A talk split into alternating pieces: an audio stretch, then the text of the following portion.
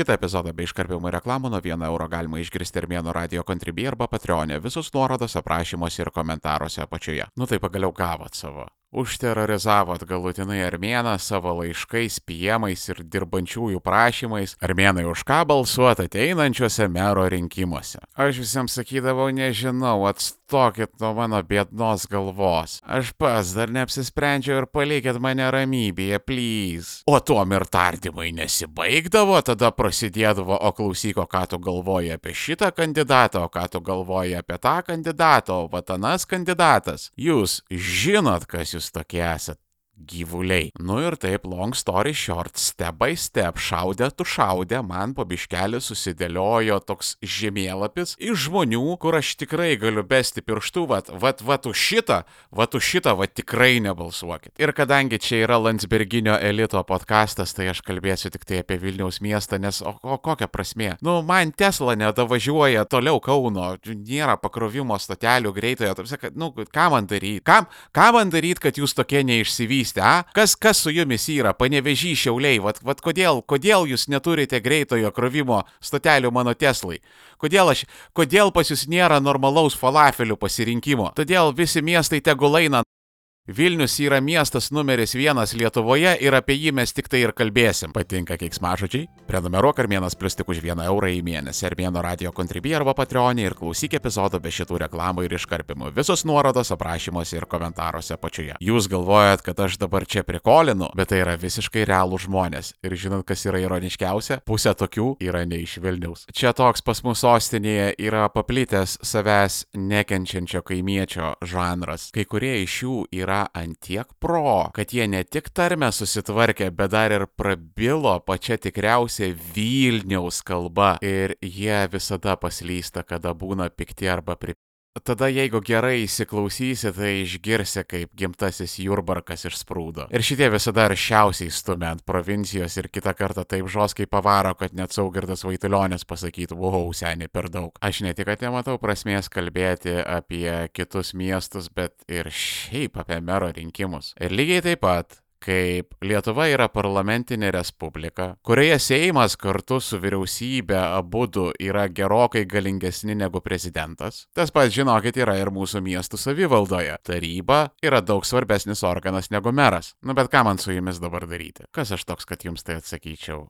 Jeigu jums tikrai tai nuoširdžiai rūpi, okei, okay, davai, pabandau apie tai pašnekėti. Tikriausiai čia bus ilgesnis negu įprasta epizodas. Visiems, kam neužtenka kantrybės, žiūrėkite arba aprašymuose, arba komentaruose. Ten bus sąrašas visų geriečių, blogiečių ir urodų. Šalia kiekvienos pavardės matysite laiką ir pagal tai galėsite peršokti ten, kur jums labiausiai įdomu. Viso to ieškoma pačioje. Pradėsiu nuo to, kad Petrą Gražulį Jėva Kačinskaitė Urbonienė ir Valdemarą Tomaševskį aš iš karto eliminuoju šito sąrašo. Šitie žmonės Vilniaus miesto mero rinkimuose dalyvauja tik tai dėl vyriausiųjų rinkimų komisijos dotacijos. Vaikai, aš pats labai sunkiai suprantu šitą visą dalyką, Bet jei taip abstrakčiai, Lietuvoje veikia tokia sistema, kad politinės partijos pagrindė yra finansuojamas iš valstybės biudžeto. Ir jeigu ar tai partija, ar tai politinis judėjimas, ar kažkoks politinis kandidatas yra praeitie laimėję rinkimus, ten atsiranda kažkokie ten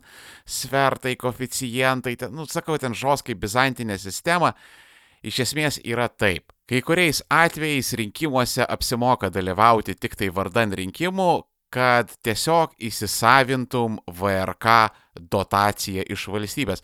Tai nėra labai dideli pinigai, bet kada partija yra labai vargana, tai, nu, to pakanka, kad išlaikytum galvą virš vandens. Ir šitie trys muškietininkai - Gražulis Kačinskaitė Urponienė ir Tomaševskis, vad eina būtent tik tai dėl to. Ir jeigu žmonės patys nėra nusiteikę nugalėti Vilniaus mero rinkimuose ir tiesiog, nu, kaip oficinis ateina, vad, athu, ten dar vienos darbo savaitės, užsidėti paukštuką, grįžti namo, apsidaužyti ir žiūrėti Netflixus ir taip iki kitos darbo savaitės. Tai vad, sorry, šito aš nepalaikau, eikit visi aš apie jūs tokius halturšikus nekalbėsiu. Tai pirmas pagal abecėlę yra Aidas Gedvilas. Šitas žmogus iki 21 metų paprasčiausiai neegzistavo. Politikoje jisai seniai nuo 2000-ųjų pradžios, bet iki 2021 metų vasaros Aidas Gedvilas buvo kaip Algymantas Dumbrava. Kankinkit mane su elektra.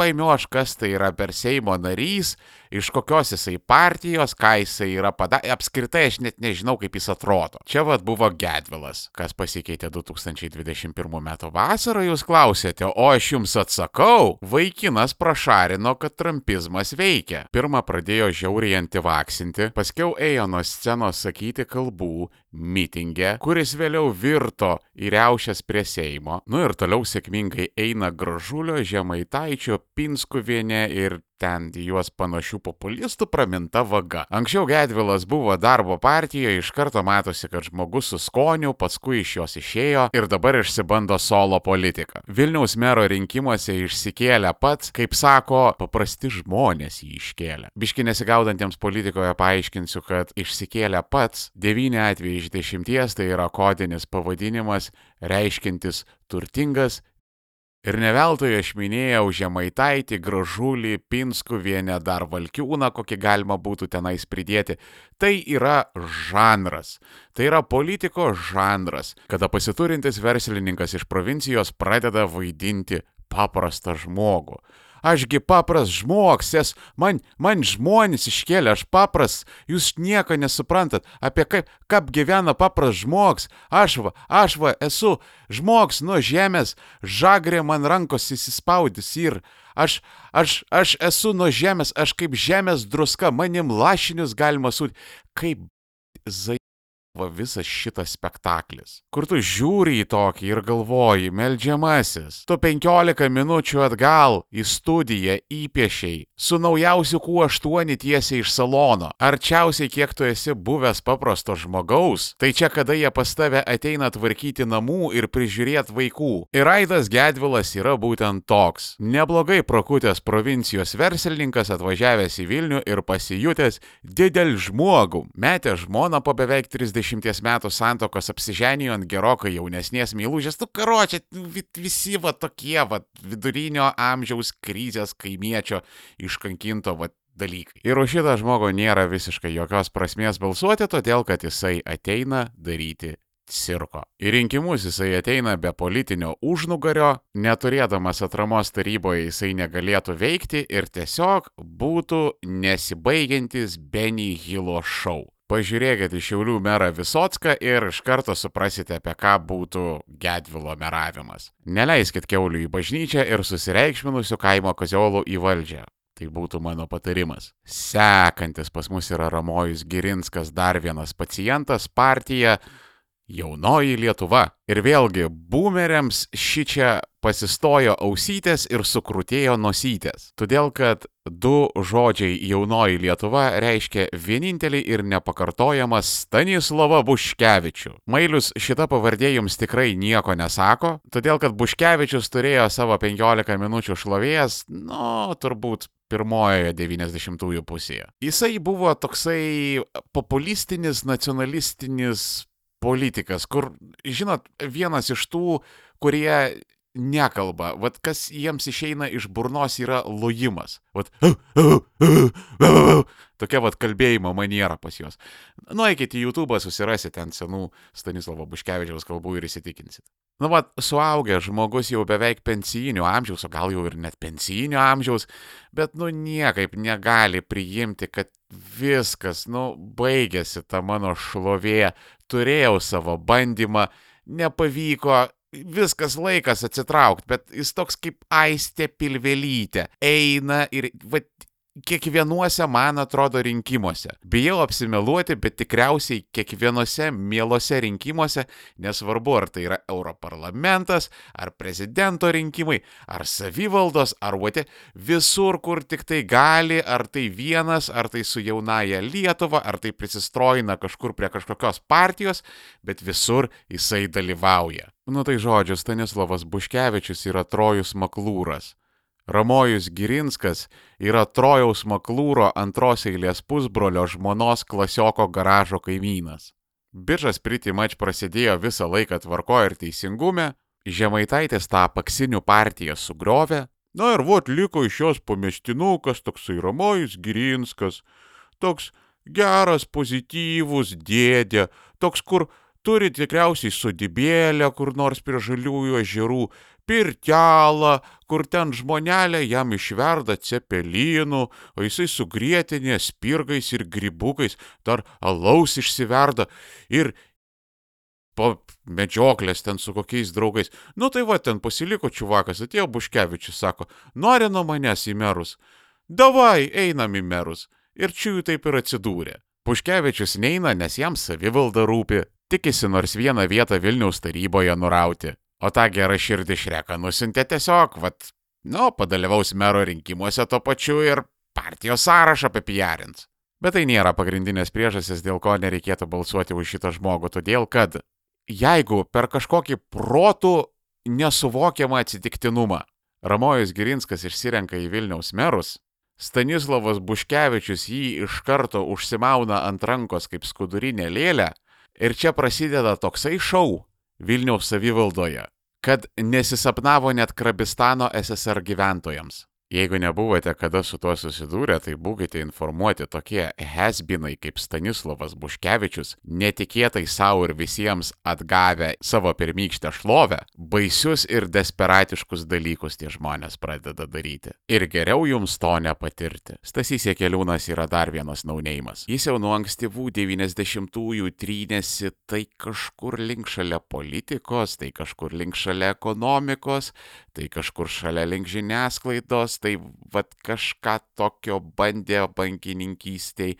akademijoje, finansuose, laidų net yra pravedęs, bet nu taip ir neiškilęs į tokio didelio žmogaus lygio. Pirmąją keliūnas papuola pas Ramūną Karbauskį ir jo valstiečių partiją. Paskui kartu su jais jisai ateina į Seimą 2016 metais. 2019 metais jis padaro tą krizės suvaldymo e, tyrimo spektaklį reikalingą Karbauskiui, nes buvo tikėtasi, kad per tai bus galima palaidoti Ingridą Šimonytę ir Gitaną Nausėdą artėjančiose prezidento rinkimuose. Ir už ištikimą tarnystę Jekeliūnas gauna europarlamentaro postą. Tai yra prestižas, tai yra pinigai, tai yra fenomenaliai geros darbo sąlygos ir Jekeliūnas turėtų būti dėkingas Karbauskiui iki pat savo gyvenimo pabaigos. Jeigu jis toks nėra, jis turėtų labai greitai tokiu tapti, todėl kad su savo šūdinu charakteriu, be Karbauskio jis niekada taip nebūtų aukštai iškopęs. Ir jeigu Jekeliūnas yra tiek pavaldus Karbauskiui, kiek man atrodo, pavojingiau šitą žmogų būti negali, todėl kad Karbauskis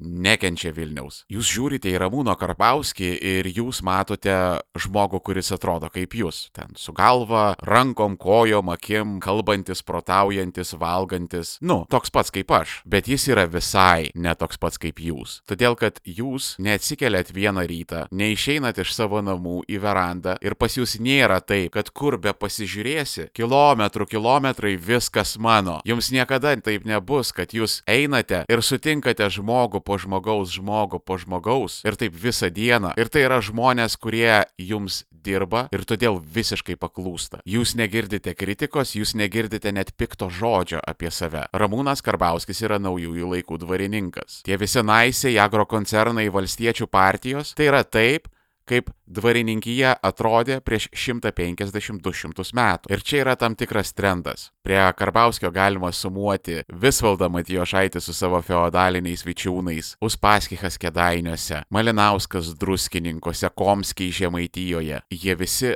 nuoširdžiai nekenčia Vilniaus. Todėl, kad tai yra ta baisi vieta, kuri jiems nepaklūsta. Vilnius yra ten, kur niekas jų nebijo. Ir Vilniuje yra pilna žmonių, kurie kasdieną kesinasi jų gyvenimo būdą. Neturėdama žmonių savivaldos taryboje, Stasys Jekeliūnas, būdamas Vilniaus meru, pačioje savivaldybėje beveik neturėtų įtakos. Oi, bet jis galėtų cirkintis pagal Karbauskio paliepimą. Mėgintų stabdyti kiekvieną praidą, kiekvieną renginį, kuris būtų įdomus už Ingridams arba Armanau astronautams, kiekvieną paminklą ir kiekvieną kultūros objektą, kuris nėra Karbauskio inspiruota. Mano galva, Stasys Jekeliūnas būtent tokią atlieka funkciją. Tai yra kuoka Karbauskio rankose, skirta sudaužyti veidus tam šlikščiam Vilniaus elitui, kuris, matote, drįsta turėti savo nuomonę ir nepasiduoti kažkokiems provincijos oligarchams šudinomis kulnimis. Mykolas Laskavai Majauskas. Čia yra realus Dorianas Grėjus, kur viešumoje šiltas, šviesus,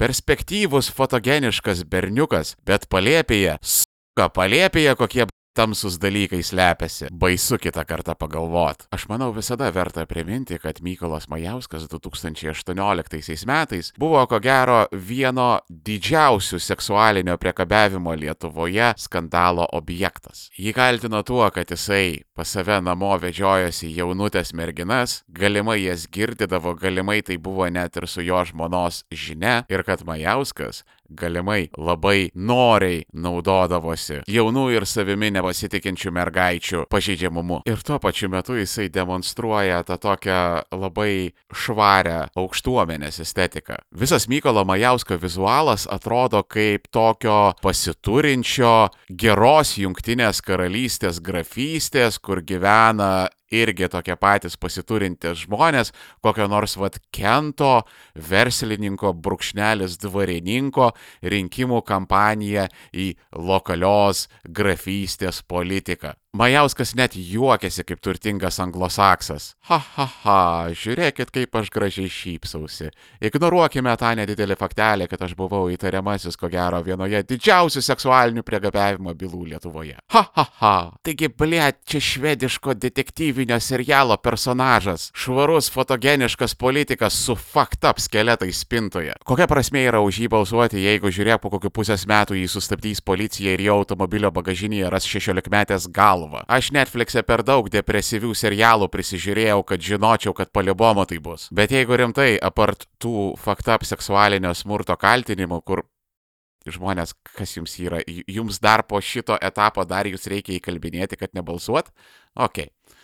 Tam, kam neužteko, dvi papildomos priežastis. Priežastis numeris vienas - Majauskas yra nausėdo žmogus. Jisai yra prezidentūros torpeda į Tevinės sąjungos Lietuvos krikščionis demokratus už tai, kad jie prezidentą dūchino šitiek metų be sustojimo. Mykolo Majausko dabartinė draugė, moteris nuo jo jau pagimdžiusi antrą vaiką, buvusi jo patarėja, aš čia duosiu jums minutę visiems pasakyti garsiai il, išsiskalaukit burnas, galbūt dar po dušu palyskit, tai va dabartinė jo partnerė. Lina Svidinskaitė yra Gitano Nausėdos komandos narys. Nausėdai Majauskas laimės rinkimus, pralaimės juos, Bet kadangi Mykoliukas neseniai paliko konservatorių partiją, dramatiškai trenkęs durimis, todėl kad negavo posto ES institucijoje, kurio jom niekas nežadėjo, jisai tiesiog pats susigalvojo, kad jis jiem priklauso. Apart Mykolo Majausko niekam neįdomu nugalės ar jisai pralaimės Vilniaus mero rinkimuose, esmė yra tokia - nuvalgyti nuo konservatorių kaip įmanoma daugiau balsų ir prišiktiems po obelę. Priežastis numeris 2 - Mykolas Majauskas yra nežmoniškai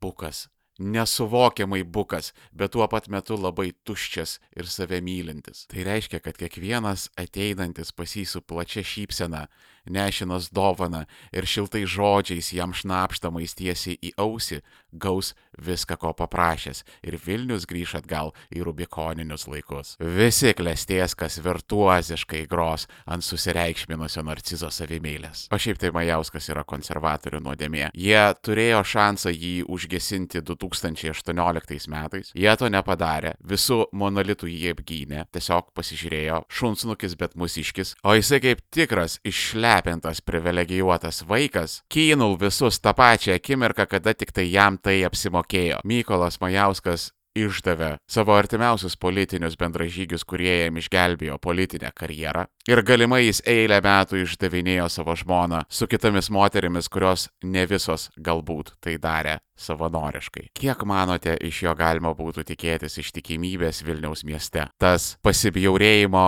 jausmas kažkur giliai gerklėje ir yra priežastis, kodėl nereikėtų balsuoti už Mykolą Majauską artėjančiuose mero rinkimuose. Vytautas Sinica yra labai gyvenimiška pamoka apie tai, kaip yra svarbu kontroliuoti savo ego. Jisai savo metu buvo kylanti konservatorių partijos žvaigždė. Savo nemenkų protų ir neblogo galėjimo kalbėti, jisai labai greitai į save atkreipė Tėvynės sąjungos Lietuvos krikščionių demokratų dėmesį. Jisai buvo vos 21 ar tai 22 metų, kada jį pakvietė būti Irenos Degutienės padėjėjų Seime. Kažkada vėliau jisai tapo ir Bilotaitės padėjėjų, pradėjo dirbti Rytų Europos studijų centre, tai čia yra visiškai atvira paslaptis kad ten yra jaunų perspektyvių konservatorių perykla. Tai politikoje visi šitie dalykai reiškia tas pats, kas ypatingai talentingų vaikų stipendijos. Ir Vytautėlis žinojo, kad jo laukia šviesus rytojus ir jisai labai aiškiai suprato, kad jisai tikrai, be jokių abejonių, yra būsimasis konservatorių establishmentas. Vienas dalykas apie Tėvynės sąjunga Lietuvos krikščionės demokratus ir jų jaunimą yra tas, kad ten viskas vyksta kaip kazarmose. Visi jaunieji konservatoriai strojinami lygiuot ramiai, geležinė disciplina ir viskas turi savo laiką. Sinica laukti nenorėjo. Jis labai laukė pakvietimų į 2015-16 metų politinio ciklo rinkimus, bet taip ir nieko nesulaukė. Ir bėgant laikui, jis vis labiau ir labiau pradėjo kritikuoti savo paties partiją, kol vieną dieną 2016 metais neišstojo su tekstu Delfija, kurio kiekvienoje eilutėje buvo iššūkis tuometiniai konservatorių vadovybei ir kur Sinica dėliojo, kad konservatoriai yra šūdas, praeitis išsigimė, o ateitis priklauso Ramūnui Karbauskiui ir jo valstiečiams. PS Gabrielius Landsbergis yra duhas. Savaime suprantama, už tokį bespridėlą jaunikaitis buvo išmestas iš visur.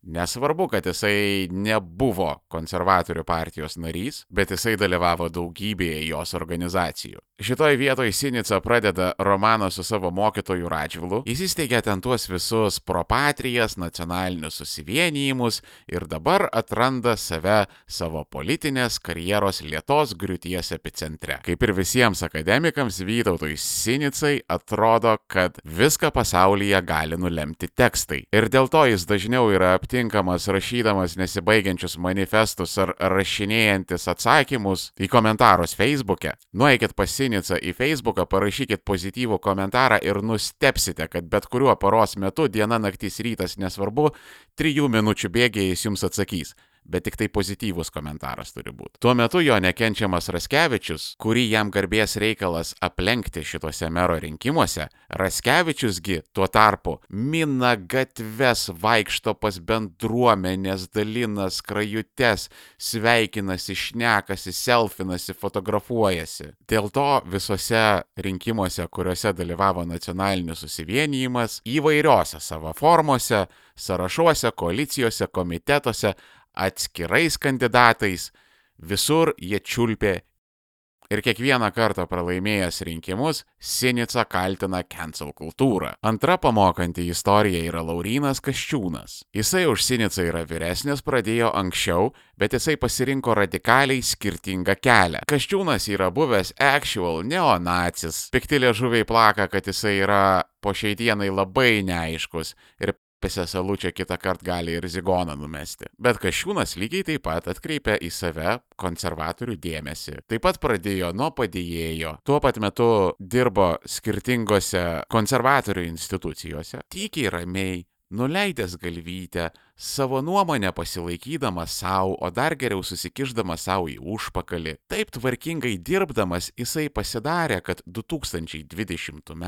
partiniuose reitinguose jisai pakilo į vietą numeris 3. Jeigu Sinica būtų sėdėjęs ramiai, turbūt jau būtų buvęs arba dešinioji Kaščiūno ranka, arba beveik garantuotai būtų Vilniaus savivaldoje, o gal net ir Seime. Reikėjo tik palaukti, reikėjo tik pakentėti, kaip Kaščiūnas žaisti į ilgai žaidimą, bet ne. Norėjosi būti geriau karalium pragare negu Elgeta rojuje. Jeigu po penkių metų mes žinosim Vytauto Sinicos pavardę, aš būsiu labai nustebęs. Tarsi pankos nebūtų buvę, Buškevičiaus to paties, Mūrzos, Oželio, Šustausko. Jie gali šviesti ryškiai, bet sudega greitai kaip pigi bengališka ugnelė. Žiūrėkit vaikai į Vytautą Sinicą ir įsidėmėkit. Ego reikia kontroliuoti. Pagrindinis sėkmės faktorius jūsų gyvenime yra jūsų savikontrolė. Jūs galite būti jauni, protingi ir perspektyvus kaip Vytautas Sinica, bet jeigu jūs neišmoksite savęs kontroliuoti, jūs taip ir nepasieksite nieko gero savo gyvenime. Visi galvoja, kad Sinica yra blogai dėl tų savo atstumenčių tradicinių etnonacionalistinių pažiūrų. Pa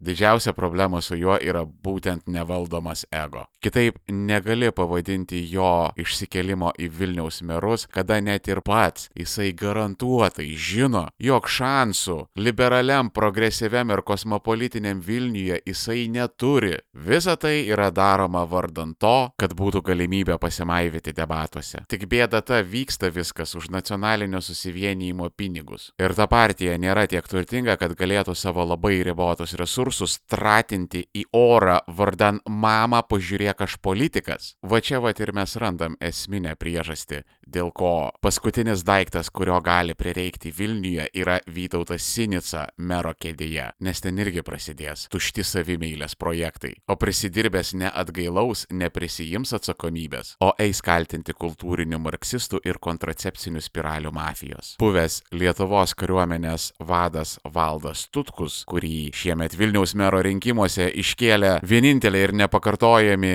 Živilė ir Jonas Pinskai su savo regionų partija, yra paskutinis sovietinio soldafono abrosdėlis Lietuvoje. Čia vad klasikinė rusiška karininkyje. Įraudė išpurtusiais veidais, amžinai prasmirdę konjaku. Vat, vat taip vat viskas buvo anksčiau daroma. Kada darbindavaisi pas didelį žmogų į didelę vietą, tai ten jokių nebūdavo, kad aš tavo CV paskaitysiu, pažiūrėsiu, kaip tu ten esi baigęs tas apamai, tu man tą savo diplomą ESM, por... ne, ne, ne, nieko panašaus nebūdavo. Ten būdavo statomas butelys, pilama savo, pilama tau ir žiūrima, kaip tu elgsies. Visų pirma, pradėkime nuo to, kad jisai ėjo į antivalstybinių maršistų mitingą kalbėti nuo scenos. Net Vytautas Sinica atsiribojo kaip įmanoma toliau nuo maršistų, o Tutkui tokia dėmė biografijai pasirodė kaip nuostabi idėja, bet prie dėmėtos biografijos tas žmogus jau yra pratęs. Porą kartų